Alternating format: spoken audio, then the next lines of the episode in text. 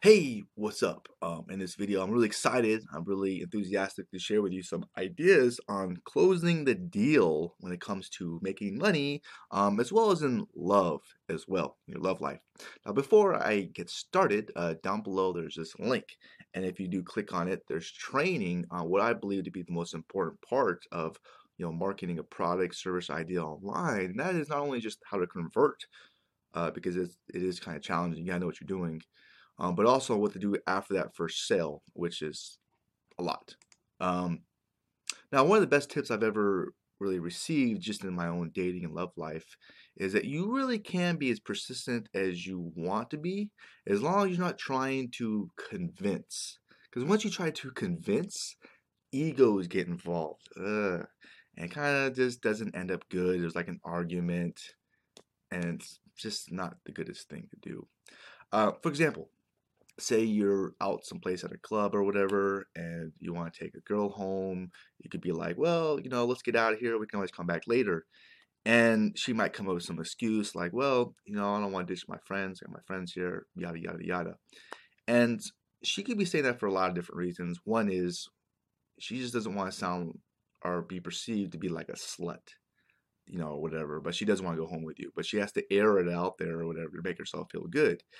Um, so a good idea would be just go like, you know, agree with her. Yeah, yeah, you're probably right. And just wait five minutes. And if you try again, the second time, you're more likely to succeed. The chance kind of goes up. Um, so that's a, it's a really good idea to try that. Because, uh, you know, getting her alone really is everything. it really does help. Now, with sales, I'm reading this book called The Way of the Wolf. I just finished it by Jordan Belfort. It's a really good book. Jordan Belfort was the guy they made the movie The Wolf of Wall Street about. Um, say what you want about him, but he is a great salesperson. He is. And um, I did phone sales before I went into the internet, and I was kind of taught something kind of similar to him, his system. Um, but uh, say you want to use this in money, right, to make money and sell product or idea. Uh, the first objection, like say somebody says, I want to talk to my wife, think about it, yada, yada, yada. Um, what he recommends, and I think it's a great idea too, is just a sidestep it. Um, and this is how he does it. Okay.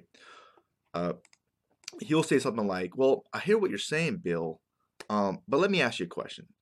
Does the idea make sense to you? Do, do you like the idea? And if they say yes, then you just simply ask for the order. Okay, great. Uh, did you want to get started with a debit or credit card? Boom. Uh, you know, a lot of times people like to voice things just so they don't come off as a pushover, just or whatever. Kind of like the anti-slut meter, right? Just to throw it out there. I know since even with myself, sometimes um, I'll be already ready to buy, but I just have this thought and I just want to throw it out there, uh, just for the heck of it, um, just to voice it. Makes me feel good. Do you do you ever feel that way yourself? I don't know. I do sometimes. Uh, now, say the person voices it again now, when it comes, I'm talking about money here, right? When with women, it's it's a little different. You know, I, I think it's probably a good idea to just kind of get her interested more in the mood. uh, and I would love to talk about that, but this video will be way too long. So I just want to focus more on making money right now and it's closing the sale. Uh, when I did phone sales, there are really two reasons people don't buy that I was taught. It makes sense to me. They either don't have the cash, or two, they're just skeptical, skeptical of everything. Um, and Jordan has something very similar. What he uses, and he talks about in his book about someone needs to be certain about three things: certain about you, certain about the company, and certain about the the product. You know, high level of certainty in all three. Um, so for money, again, I want to focus on this, not love, romance, but what I would do is say that you know if I wasn't if I was thinking that they didn't have the money, um, and there's ways you can kind of somewhat read that or whatever. I would say something like, if I could show you the way to get started without you taking a penny out of your pocket, you know, would you like pull a trigger today or something like along those lines? And they say yes, then I would say, well, by using your credit card, yada yada yada, and I can show you a way to get started without you risking anything, blah blah blah, or you know, taking a penny out of pocket. And now with skepticism, it's very similar that I was taught to say. And I was, well, if I could show you a way without you you know, to get started without you risking a nickel, you know, would you, you know, get started today? And if they said yes, and I go, well, we got this money back guarantee, yada, yada, yada, yada, yada. You know, so you're kind of helping them solve their problems that they have. And that's kind of what I was taught was closing was about solving people's problems and stuff. Now it's a big difference. The key is someone has to be really interested.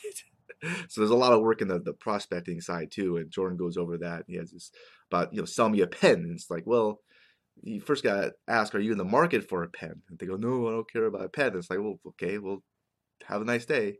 You know, why am I, don't try to teach pigs to talk because you frustrate yourself and confuse the pig, right? You can't force it.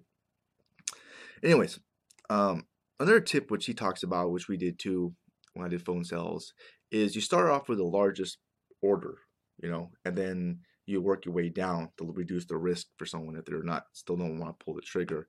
We had three packages, so we'd start off on the top and then we kind of work our way down. Uh, Jordan has a pretty interesting closing strategy as well. Uh, what he comes up is what he says with second objection, you know, you have to pretty much address it and deal with it. And he'll say something like this I hear what you're saying, Bill, but let's just say that I've been doing this for quite some time. And if it's one thing I've learned is when people say they're going to think about it, you know, talk to their wife, call you back, what ends up happening is that they end up putting the idea in the back of their head and deciding against it, not because they don't like the idea. You know, in fact, in your case, I know that you actually do. Um, but the simple fact is that we're both very busy people and you go back to your busy life, end up missing out on this. And I don't want to see that happen to you. Okay. In fact, let me just say this. One of the true beauties of the situation right now is that Microsoft is on the cusp of blah, blah, blah, blah, blah. And just like that, he trains you to go back, transition back into the cell where you'll pick up right where you left off, building this like airtight, logical case and emotional case, which he calls looping which makes a lot of sense because you need logic and emotion. Um, now the logic part is, you know, we could that's easy one to figure out. The emotion one's a little bit more of a, a challenge. Uh, he does some interesting ideas on that as well. Uh, yeah, and you want that certainty in all three things: the logic part, the logic about you, the company, the product. Um, there are two other tools that Jordan uses, which I'd love to go over, but you know this video would be just pretty long. Uh, the one is is reducing someone's action threshold and hitting them with their pain points, uh, which are both very good ideas. Uh, and you learn someone's pain points through the prospecting side by asking them questions, you know. And the proven fact is, us humans were just lazy, so people are more motivated by not going through pain than by gaining pleasure just the way it is. Uh, the action threshold, what that means basically is um, every time we make a decision, in our heads, we kind of go through the worst case scenario, what could happen, and the best case scenario that can happen. And everyone kind of has different thresholds on that, which I believe I agree with that.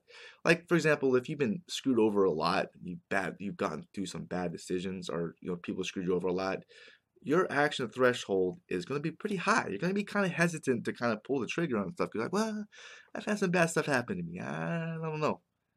You know, and like some people, if they've gone through a lot of good experiences, they just pull the trigger very quickly. They're just like, okay, yeah, yeah, yeah. They're more positive. They think about the positive stuff. The negative stuff, ah, no big deal. Just pull the trigger and go with it. And there's ways you can kind of reduce that um, action threshold, uh, reducing the risk like the money back guarantee. It reduces the risk, it lowers that threshold, maybe not all the way, but it does reduce it. So that's one way, where he talks about. Um, but I kind of plan on making another video too, talking more about this. But um, anyways, I just want to kind of share a couple things I learned with you. Um, I know people's attention spans are not as long as it used to be. Thanks to the internet and all the crap that we could click on. Just so, anyways, um, I hope you liked this video. If you did, just hit the thumbs up button. Uh, you can share it too.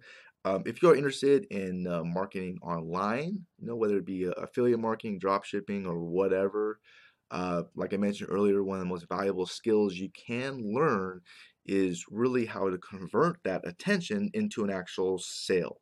Because, in all honesty, that's what everything comes down to.